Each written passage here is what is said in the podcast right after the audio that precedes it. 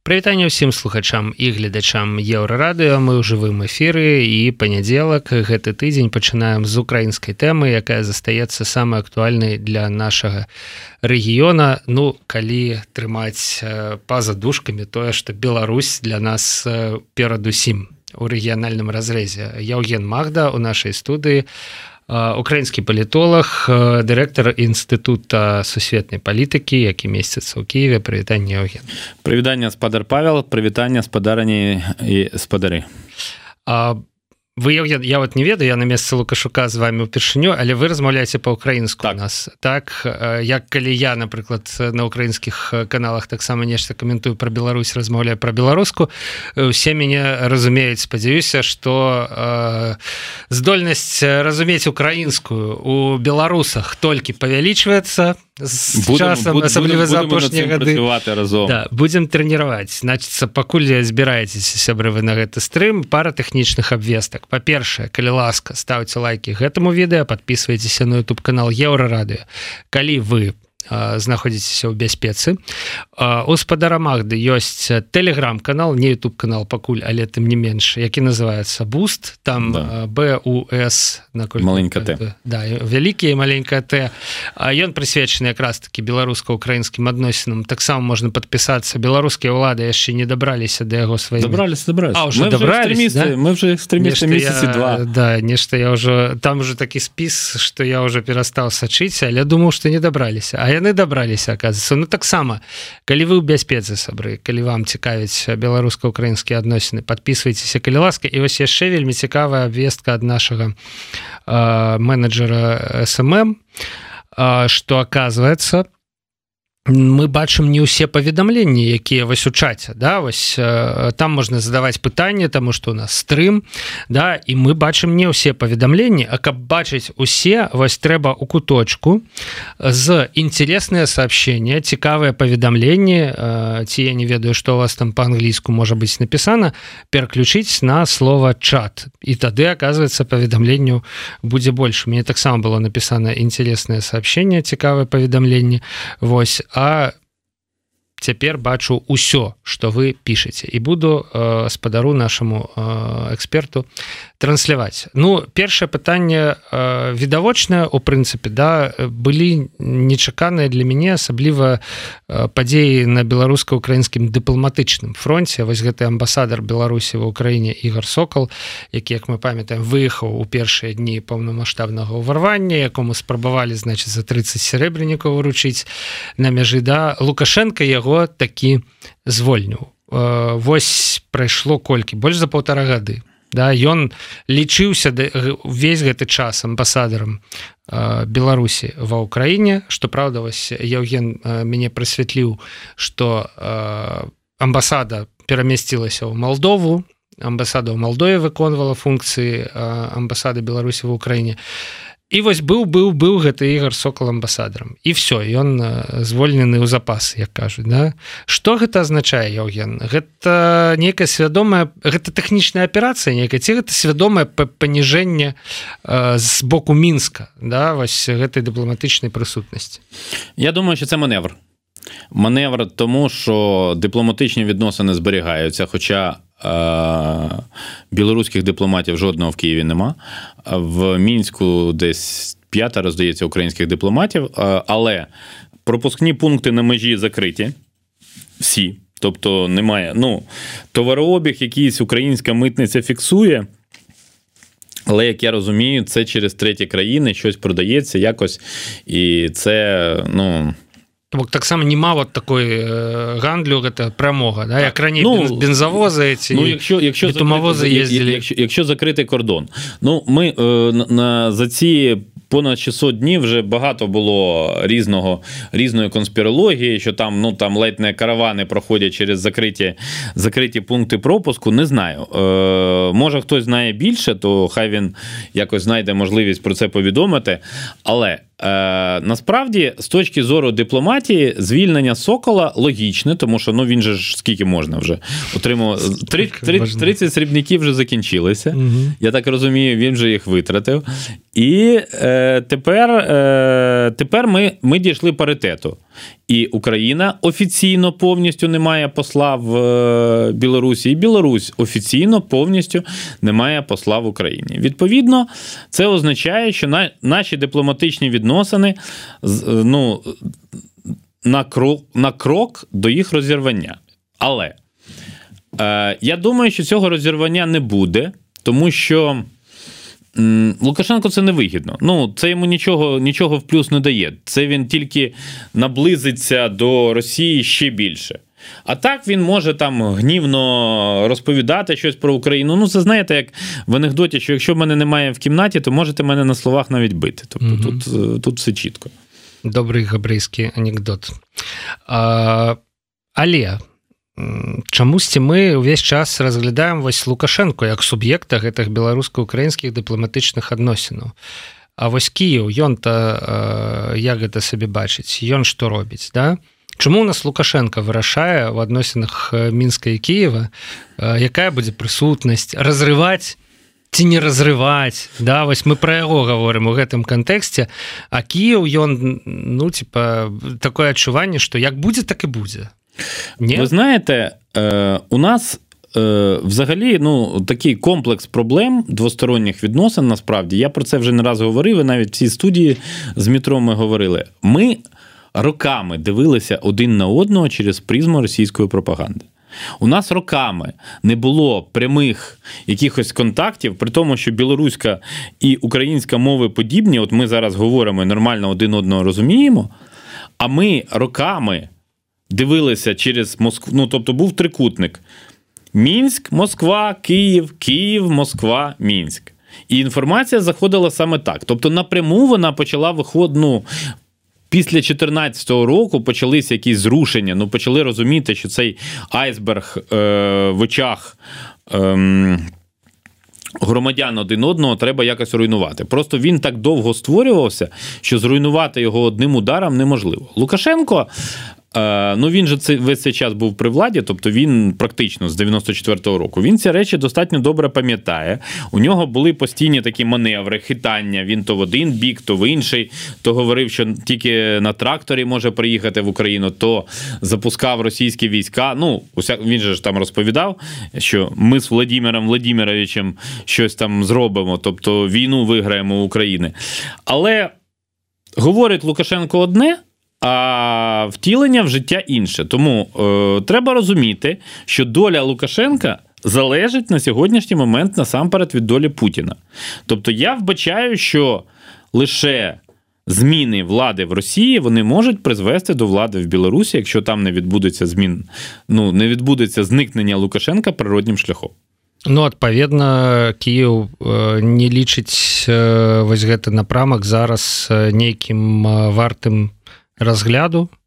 Э, я маю навазе вось глядзіце напрыклад давайте паспрабуем пафантазировать да? Лукашенко аднаго амбасадара зняў возьми прызначыць іншага да то бок ну, э, наприклад так буде, да, він може, може це зробити. да, він може так хоча, зробити. хоча б людина приїде про поле там майданчик перед да, посольством. ну, і гэта будзе такая актуалізацыя правильно то бок про гэта ігора сокола все уже забыліся? Увогуле все забыліся что ёсць такая пасада амбасадар беларусі ва ўкраіне. Тут ён яго звольніў.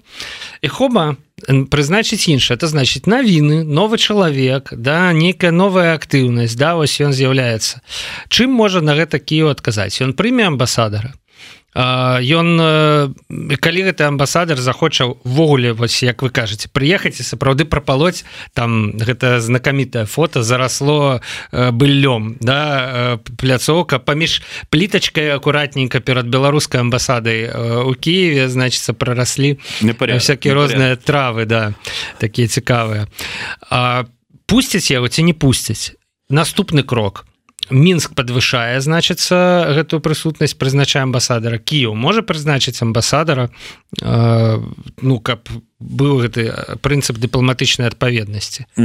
Я э, значит пытання ці ну, можа мінск мінск прызначыты це пытанне хороше тому що ну Україна ж не може йому заборонити. Але е, Україна може щонайменше довго тягнути з візою. Людина може приїхати, а потім, ну там е, спочатку, як зазвичай вручають копії вірчих грамот заступнику міністра закордонних справ, хто займається цим регіоном, а потім вже офіційно, ну, як правило, кілька послів вручають е, президенту вірчі грамоти. Там таке зараз в Софії Київській це проводять. Можливо, ну, е, ви знаєте, я зараз скажу крамольну е, річ для е, слухачів Єврорадіо. Якби Лукашенком був я, то я б призначив свого старшого сина. І це було б цікавий цікавий крок. Ну тому що це, ну, по-перше, звучало прізвище Лукашенка постійно в певній інформаційній конотації. По-друге, ну Лукашенко показав би, що він нічого не шкодує. Знаєте, як на український це, напрямок, да, стародавні часи свого да, свого да. сина в заручники угу. відправляє. А Україна не може е, відправити посла з однієї у нас є тимчасовий повірений, тобто людина, ну яка є старшим дипломатом. Це називається. Тобто, якщо щось білоруському МЗС не так, то е, викликає тимчасового повіреного. І е, коли чому Україна не може от через цю процедуру? Як я сказав, ну не може посол вручити вірчі грамоти, бо ми його політично не визнаємо президентом з 2020 року. Тобто він в політичному сенсі для України порожнє місце. Це не означає, що в Україні не не знають, що Лукашенко дійсно керує Білоруссю, що він керує силовими структурами там і так далі. Це все зрозуміло, але політично його не визнають. Тому посол не може. Тому е, ще коли Кизима звільнили, я написав, що тепер. Новий посол України вручить грамоти вірчі новому президенту Білорусі. Угу. Якщо е, стане наступним президентом якийсь відчайдушний ябатька, я навмисно зараз не, не називаю прізвище, то Може бути ситуація, що Україна призначить, але тоді може Європейський Союз прислати посла. Ну тобто присилати своїх дипломатів не тільки Угорщина, і Сполучені Штати. Ну тому що є практика цих, знаєте, да, коли легітимний президент так, з'явиться, ну, нехай собі є батька. Дай, то... Дайте йому 100 днів. Ну, якщо uh якщо пройдуть вибори навіть в білоруських реаліях. І ну от давайте ми раз ми моделюємо ситуацію. Лукашенко зник. Ну от ми не ми не знаємо, де він. Суд його визнав оперативно визнав таким, що зник безвісти. Не може ж бути. Країна, Країна без... без керівника, да? там не стоїть деревня без правильника. Білорусь докладно не може бути, звісно. Парадичок. І, і, ну, Тому що майже 30 років Білорусь живе в парадигмі суперпрезидентської республіки. Тобто, от є один, хто за все відповідає. І ми вже не будемо анекдоти про картоплю, які всі знають, але mm-hmm. ну, зрозуміло, що шукають іншу людину. Організовують вибори. Представники демократичної опозиції з низки причин в цих виборах участі не беруть. Люди так чи інакше приходять, можливо, хтось з надією, хтось ну, когось примушують. Ну, Тобто обирається якась людина. І вона ну, наприклад, вона приймає присягу, все плює, може навіть публічно на портрет Лукашенка, як це прийнято на пострадянському просторі, плювати на портрет попередника, і говорить: от у нас там є кілька тисяч е, заручників, закладників. От я 500 звільняю в якості жесту доброї волі. Ті, хто хворі, жінки, ну там легкі uh статті, все. І що, після цього Урсула фон дер Ляєн не позвонить умовному Лукашенку 2? Позвонить. Докладно. Гэта так працуе гэта ну, є дыпламаты це, так ну. це це алгоритм який ну його можна ми можемо нам нам він може не подобатись але європейська і західна дипломатія в цілому вона працює за певними принципами ви що думаєте що вони інших пострадянських президентів люблять що вони Януковича любили в свій час ні але ж були там і Кокс Кваснєвський, і Грибауска, і багато чого іншого. Тобто угу. це, це так працює. Ну е, вони не будуть це змінювати, тому що Європейський Союз працює на підставі певних принципів, і він змінювати їх не буде. Слухайте, ну калі далі ісці вось мне вельмі падабаецца гэтая ваша думка пра прызначэнне Віктора Лукашенко амбасадарам у Киеве Мы ж маємо переплюнути лукашука. Ключавы напрамак да сапраўды гэта было б вельмі важна і сімвалічна.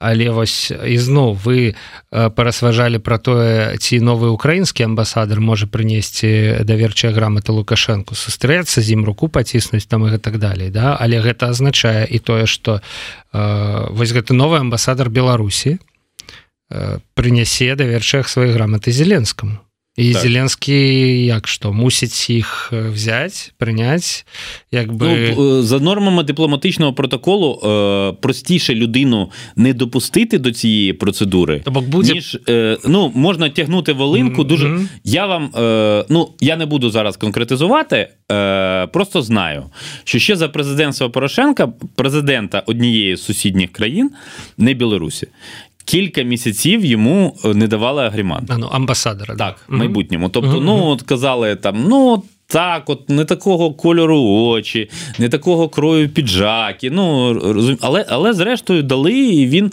він себе зарекомендував, до речі, дуже добре. То бок буде така гульня, у принципі, ну, і знову ж дипломатична по дипломатичних правилах. Ну, магчимо. Я ж думаю, що в мінську слухають Єврорадіо, то хай користуються безплатними порадами. У принципі, да, порада, звісно, топова. Ось, ну, я, звісно, думаю, що близько до нуля вірагодність, але ми, ну, думка. Але думка ёсць да? все ідэя прагучала. Мы засталбілі ее нават вось у нашым эфіры. Калі Віктор лукашенко поедзе амбасадарам у Кіев можемо зустріць вось тут вось яно все пачалося да. А, слухайте ну давайте далей. Ці вось гэтая дыпламатычная сітуацыя дае нейкія плюсы нейкія магчымасці беларускаму ўраду выгнанні Светланы ціхановскай гэтак далей? Ці открывае ёй гэта нейкі новы шлях у Кіев ці ў гэтым плане нічога не змяняецца просто вот лукашенко амбасадара адклікаў чыста тэхнічна ціхановская для банковай для Києва дзе была там і засталася ви знаєте тут тут цікава насправді ситуація тому що минулого тижня Світлана Тихановська зробила такий великий реверанс перед Україною великий, але не прямий. Тобто в інтерв'ю І знов през Москву, да? В, інтер... ну, ну, в інтерв'ю нової газеті вона сказала, що ми з е, російськими опозиціонерами нічого спільного не маємо, дещо запозичаємо. Там у неї взагалі тема України не звучала практично. Вона тільки згадала про пам'ятник три сестри, якого вже немає в природі, його вже підірвали. Але питання не в тому. Питання в тому, що. Світлана Тихановська продемонструвала, що вона ну, вона в Молдові побувала, тобто, може, десь під'їхала до кордону, подивилась там, ну, знаєте, mm-hmm. як це е, як, як символічно так, так само, да? Але mm-hmm. е, насправді е, тут, тут є ще інший момент, тому що.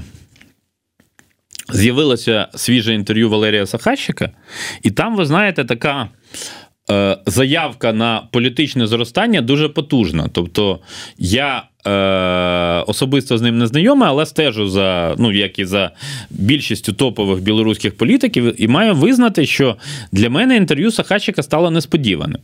Він, е, ну, по-перше, е, з ним, очевидно, непогано попрацювали політтехнологи чи радники, не знаю. Ну там, як як правило, там Вадима Прокопєва з ним асоціюють, але Прокопєв, наскільки я розумію, в Сполучених Штатах. Є, очевидно, люди, які в Варшаві працюють з Сахачиком там вони, якщо захочуть, вони самі е, себе якось будуть артикулювати і говорити, що це це зробили ми.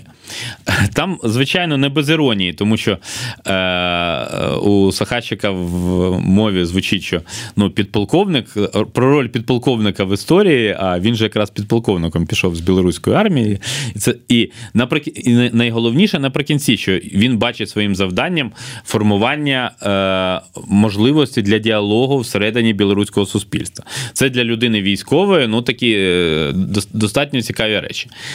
І над Сахащиком, на відміну від Тихановської, не нависає загроза, що він перестане бути членом об'єднаного перехідного кабінету.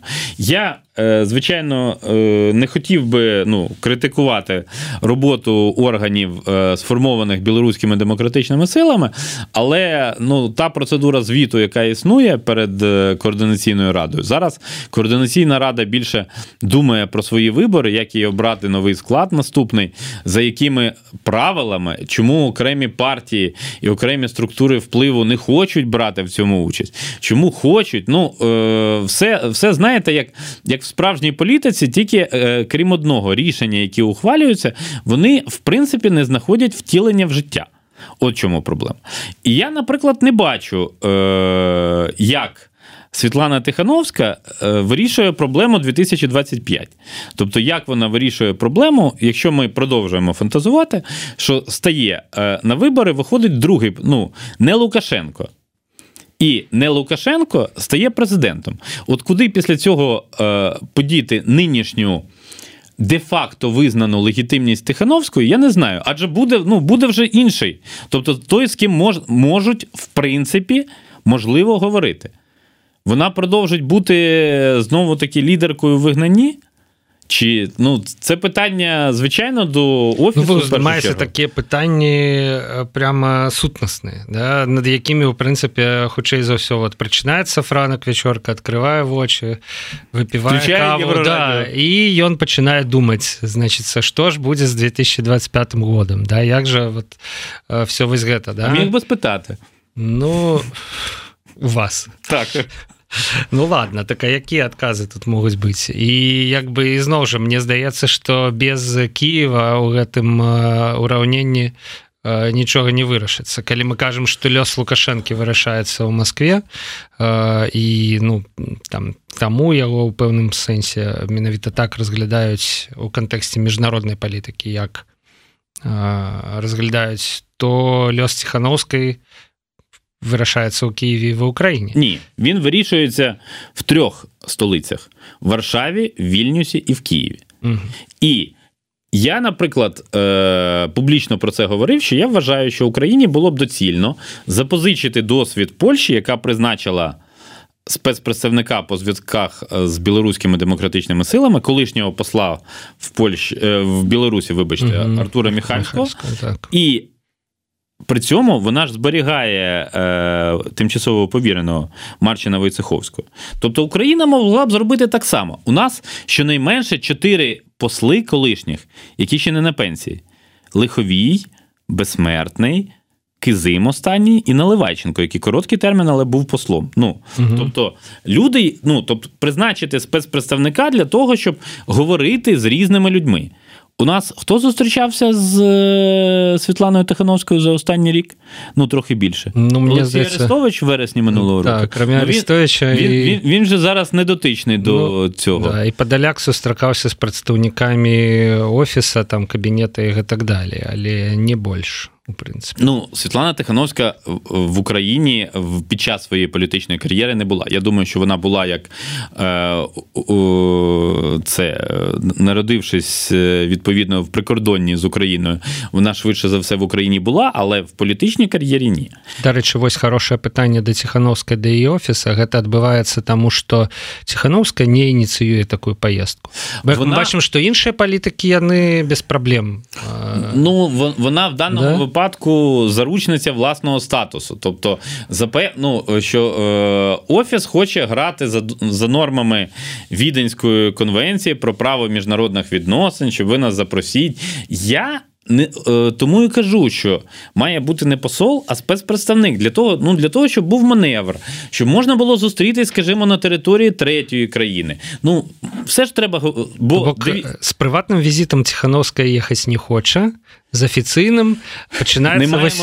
ізножа да. немає запрошення. Вось тая сітуацыя дыпламатычная да. Як бы можна под рознымі нагодамі не давайце грыманы там і гэтак далей дыпламату якога ты не хочаш бачыць на сваёй тэрыторыі. Ну і зноў жа можна ігнараваць бесконца доўгі час нейкага там лідара які хоча да цябе прыехаць але ты вось дадзены момант не хочаш яго прыехаць. І в прынцыпе у, у выніку мы прыходзім да высновы что тое што ціхановская не з'ездзіла ва ўкраіну дагэтуль гэта ну такі курс афіцыйнага Киева на так, ні, ну, ну очевидно. Я більше скажу, що коли в білоруській спільноті розпочався ажіотаж з приводу потиску рук Тихановської і mm Зеленського під час вручення премії да. Карла Великого, О, то мені мені це було смішно, і я сказав, що це насправді дуже добре демонструє рівень відносин між нашими суспільствами, тому що елементарний жест вічливості. Він сприймається як як прорив, як феєрверк. Насправді це не прорив і не феєрверк. Насправді є про що говорити, є значний порядок денний. Просто питання в тому, наскільки Офіс готовий його захищати в Україні. Раз.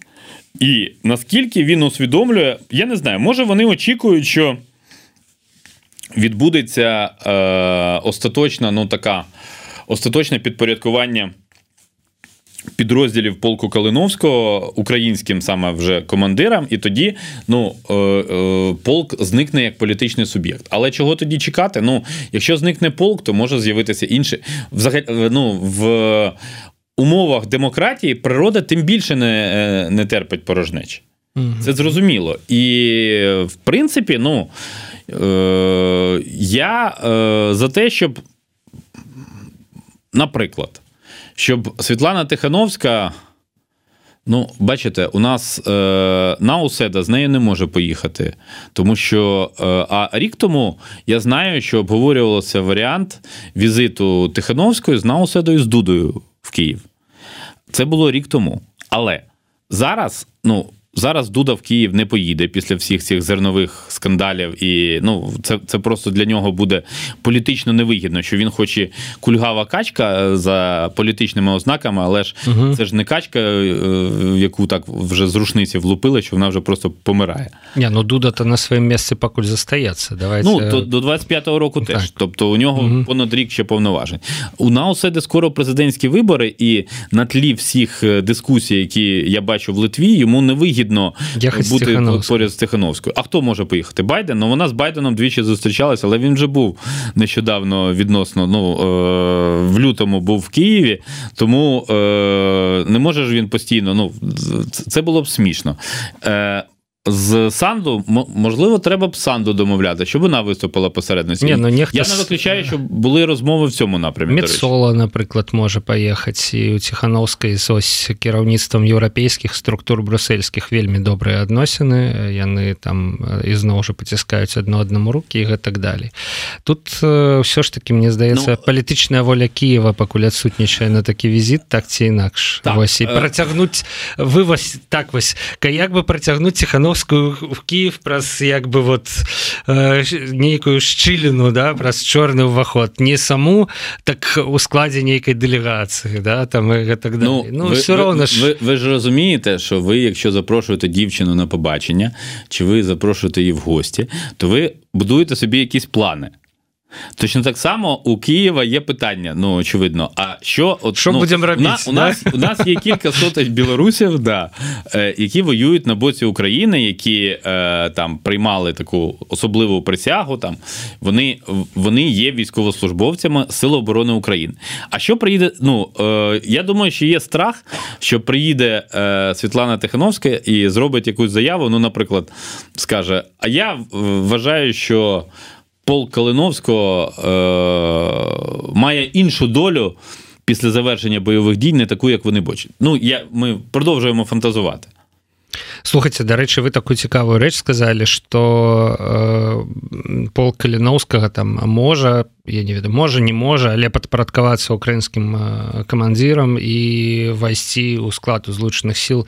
Ну муна ну, він, він і так ён у складзе да але як асобная структура да а, вы гэта як нейкі інсайт да ці нейкую рэальную магчымасць што ён вот можа быць там расфарміраваны да раскіданы і перастаць існаваць як пол каліновска падпарадкаваўшыся ўжо украінскім камандзірам ці гэта просто адзін з варыянтаў развіцця падзеяў там у звязку з з тым что там вакол гэта полка адбываецца я чуў що такі тэндэнцыі є угу. і я разумею логіку тому що е, в жодному іншому підрозділі Сил оборони України немає політичного сойму, немає політичного представника. Тобто, це ну це просто прямо е, політична діяльність військовослужбовців прямо заборонена статутом Збройних сил України. Угу. І відповідно. Е, я не думаю, що це не ну, що проблема з полком в тому, що А ось гэта легіон свободної Росії у їх? Ну, це е, все-таки я б не порівнював, тому що Легіон е, Свободної Росії він з'являється е, спорадично. Він ну, з'являється, зникає. Ну, Це така ДРГ, якби, яка так. створена для того, щоб там на мяжі от, з Брянської області. Е, да? Але полк, полк Калиновського інформаційно постійно дуже сильно присутній, і угу. ну, не секрет, що вони працюють за певними там кальками. Е, полку Азов і роблять це ну достатньо послідовно, і я думаю, будуть робити далі. То бок ён намуляў вока ўжо е, пэўным сілам ні я не думаю я думаю що е, є якісь органі... організаційні труднощі я наведу простий приклад наприкінці серпня е, представник полку тут на конференції нової білорусі анонсував що буде е, конференція, конференція. Да. вже 23 жовтня я поки Нема і поки да. поки не чув. Ну, угу. може, вона пройшла, ми про це не знаємо. Може, е, може, вона буде цього тижня, а мене просто не запросили, я тому про це не чув. Ну, я виходжу з того, що, що з нею я. То бок э, не праблема ў тым что нехта конкретно э, там задаволены незадаволены я не ведаю хоча расфармировать не хоча расфармировать праблема просто ў тым что пол каліновскага э, не ўпісваецца у нейкі такі стандартны традыцыйны ландшафт структуру узброеных сил Украины палітычны расклад. Але ён з'явіўся тому что час як бы незвычайны Э, ну быль быў быў час нестандартных рашэнняў ён з'явіўся і працягвае існаваць як выключэнне пэўнае да? Але ну по суті да, ну але... є інтэрнацыянальны легіон але інтэрнацыянальны там так. побач з беларусамі грузіны і гэтак далей да і палякі там шмат але тут ну я ж сказав що була є специфічна присяга навіть яка до речі uh -huh. більше нагадує присягу Азова ніж присягу збройних сил України тобто тут е, вже не перший місяць ідуть розмови про те, те, що відбувається, і я розумію, я, наприклад, розумію, що е, той реверанс Буданова минулотижневий перед Лукашенком, що Лукашенко зробив правильно, він багатьом калиновцям не сподобався. Ну тому що багато з них вони реально прямі опоненти Лукашенка. Тобто вони не просто там поїхали з Білорусі для того, щоб воювати, отримувати військовий досвід, а вони опоненти, кому і в'язниця загрожувала, чи хто був в'язниця. І відповідно, ну триває дискусія, а що ми можемо можемо зробити для того, щоб е, воювати далі? Насправді тільки отримувати досвід. Я не уявляю собі ситуацію, і це і в даному випадку прихід українських командирів міг би бути болісним, але потрібним прощанням з ілюзіями, що е, там. Люди, які е, ну, перебувають зараз в полку, вони, будучи військовослужбовцями Сил оборони України, опиняться на території Білорусі. Угу. І ну, в плані Легіон Свободної Росії дуже відрізняється. Вони можуть опинитися як диверсійно-розвідувальна група, виконуючи от, виконуючи якісь завдання. Але з розгорнутими біло-червоно-білими прапорами, з гаслом за вашу і нашу свободу, ну от на, на чомусь заїхати. Я е, от на сьогоднішній момент не бачу такої ситуації дуже дуже дуже з простої причини. Тому що якщо це відбувається, відбувається з території України то Україна теж стає е, співучасницею інтервенції. До чого такий сценарій приведе в контексті отримання Україною західної допомоги? Спробуйте спитати поляків литовців. Там же теж є і посполите рушення, і і ветерани полку на території. Чи розглядають в Польщі і Литві? Це ж теж сусіди Сценар такий, Сценарій, ветерани да, ну, полка Каліновського, але... які на реабілітацію Литві Хоба, їм ближей. Да, так, там, і, і Мінська. зайшли, значить, mm-hmm. до Мінська.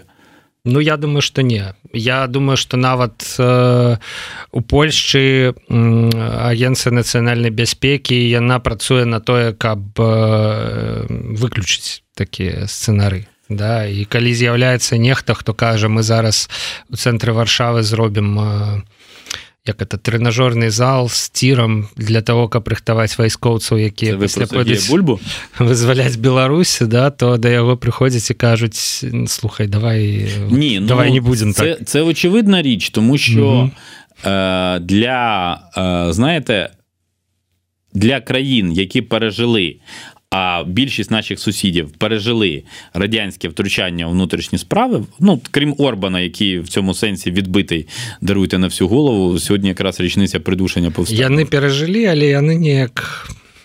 Але е, да, очі ну, на вони, да? вони, mm-hmm. вони продали е, свою пам'ять, але е, ну, е, наскільки я розумію, е, польські політики вони свою історичну пам'ять не продають. Mm-hmm. Все так.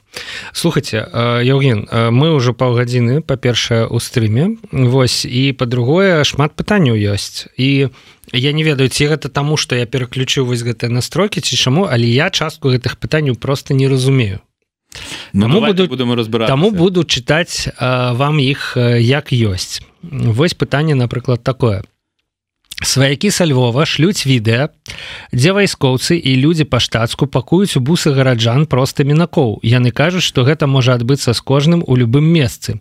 Мне гэта вельмі нагадвае 2020 год у беларусі розніца толькі ў тым што у вас пакуль у вас это значит у Львовы не забіраюць сведак того что адбываецца которое нахабна здымаюць усё на відэа якое ваше меркаванне наконт гэтага пытаецца нехта пад нікам Джон Адамс і два сэрцы які ў колерах украінскага сцяга але по-беларуску я э, некая псо мені здається. я, я, я був е, минулого тижня у Львові ніхто мене нікуди не запакував як бачите я зараз в варшаве в студії єврорадіо. Я боялся що Євген скаже под'їжджає бус я значится збегаю карацей не, некія неправільныя сваякі. У вас спадар Джон Адамс і шлюць некія неправільныя відэа мне здаецца что спрабуюць нас узяць на нейкі понт да? І направду такое такі відео були ага.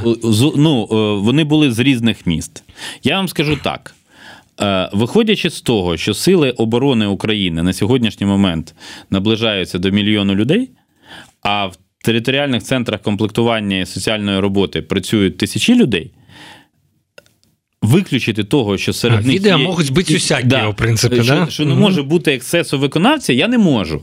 Угу. Але сказати, що є є вказівка, е, що всі грести, я такого не чув. То бок недзе ў пэўным месцы можа пэўных у пэўных абставінах бус пад'ехаць і каго-небудзь забраць. Але няма такого што па вуліцах Львова ездзяць бусы які ну, мэта накіравана збіраюць значит, це, ага, це, не, ж все-таки наша держава не окупована. Mm. Окей. Ну я думаю что адказаў спадар Магда э, так нормально цалкам на гэтае пытанне.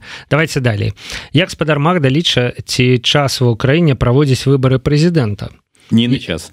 Я чуў меркаванне што трэба замест выбараў сфарміраваць урад нацыянальнага адзінства як гэта адбылося ў Ізраілі. Что скажаце? Ну не час Зама, так. зама, замало євреїв для того щоб зробити як як в Ізраїлі в процентному відношенні. І е, це по-перше. По-друге норми законодавства прямо забороняють проводити вибори під час воєнного стану, раз, а є е, норм, норми законодавства, які е, гарантують безперервність влади і президента, і парламенту. Ну тобто, просто е, зрозумійте. Жодна демократична держава не може е, розробити закон на випадок і мирного часу, і випадок війни. Про необхідність виборів в Україні говорили тільки, тільки на моїй пам'яті двоє людей: Е, Лінцей Грем Это... який сенатор Трампіст. Угу. І цей Тіні Кокс, який президент Парі. Ага. Ну, на ньому теж нема де тавра ставити, бо він е, е, з такою нелатентною проросійськістю. Якогось. Я я вважаю, що якби ну, умовно посли Великої Сімки, а вони всі в Києві виступили спільною заявою, що ми занепокоєні згортанням демократії і закликаємо провести президентські вибори там.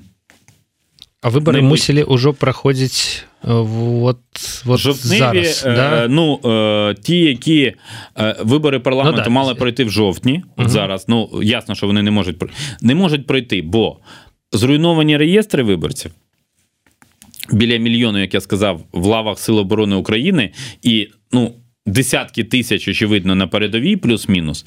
Як ви привезете? Ну, вибори ж не просто, що ми зібралися з вами, з звукооператором, і кинули щось в це, угу. а щоб це визнали, правда? Тобто, це має має бути полі, політичне визнання. Інфраструктура. Да. І, е, Тут є ще момент: мільйони наших співгромадян перебувають за межами. Ви чу, ви уявляєте собі, що відкриють виборчі дільниці в Німеччині, в Польщі, в Чехії, де ну е, плюс-мінус сотні тисяч наших громадян, щонайменше є в цій країні. Ну штуки три можна відкрити. Ну це ну да, і що це буде три да. для сотень тисяч угу. людей. Це ну це, це буде виглядати як знущання. Це буде швидше е, викликати роздратування ніж реальний процес буде нам, нам потрібно не нам потрібні не вибори, нам потрібна перемога. У мене дуже дуже проста позиція з цього приводу.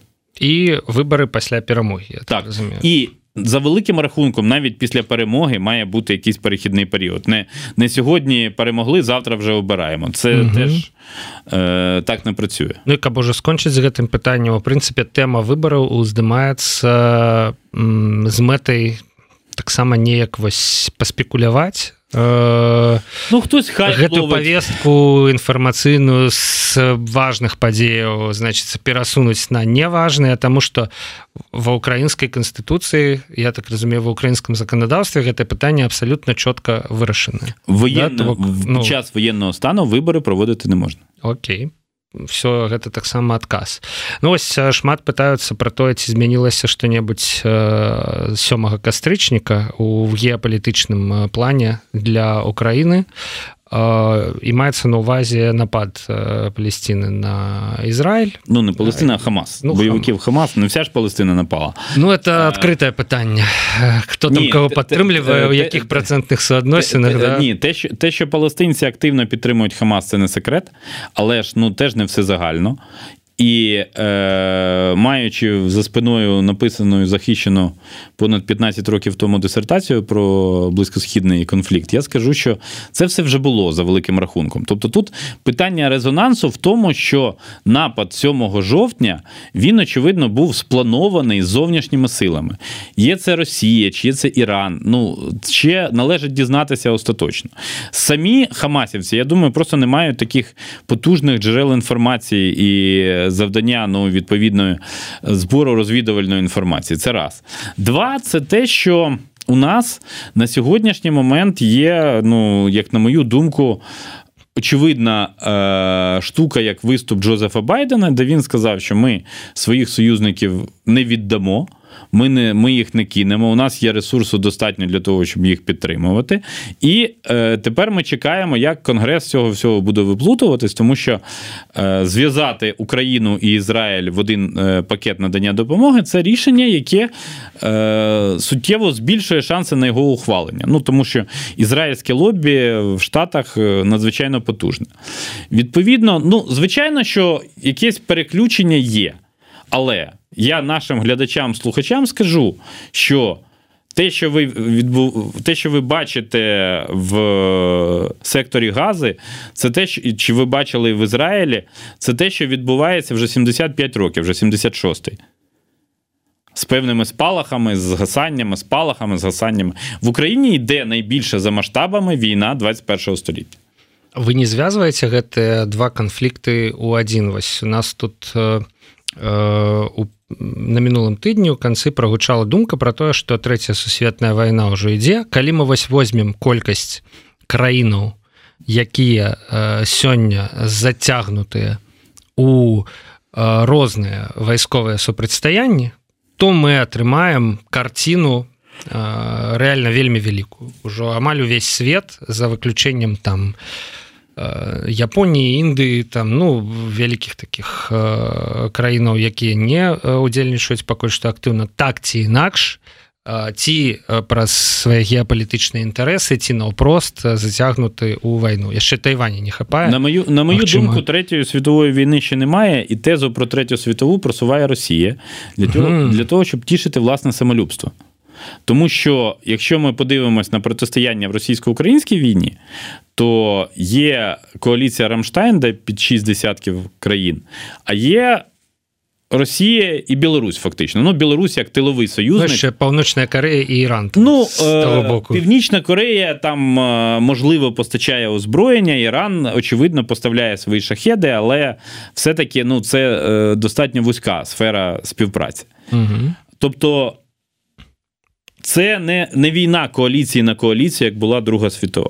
Далі е, в Ізраїлі має місце типова гібридна війна, тому що ні Хамас, ні Хезболла в військовому сенсі протистояти Цахал ізраїльській армії не можуть. Ну тому що у них немає танків, літаків, крім того, що вони там захопили 7 жовтня там якусь uh-huh. бронетехніку. Ну вони вони мають там безпілотники, вони мають снайперські гвинтівки, вони мають якісь ще засоби, але це не Ну, на танки ще їздять, треба вміти не, не, тренуватися. Не, не, не війна армій.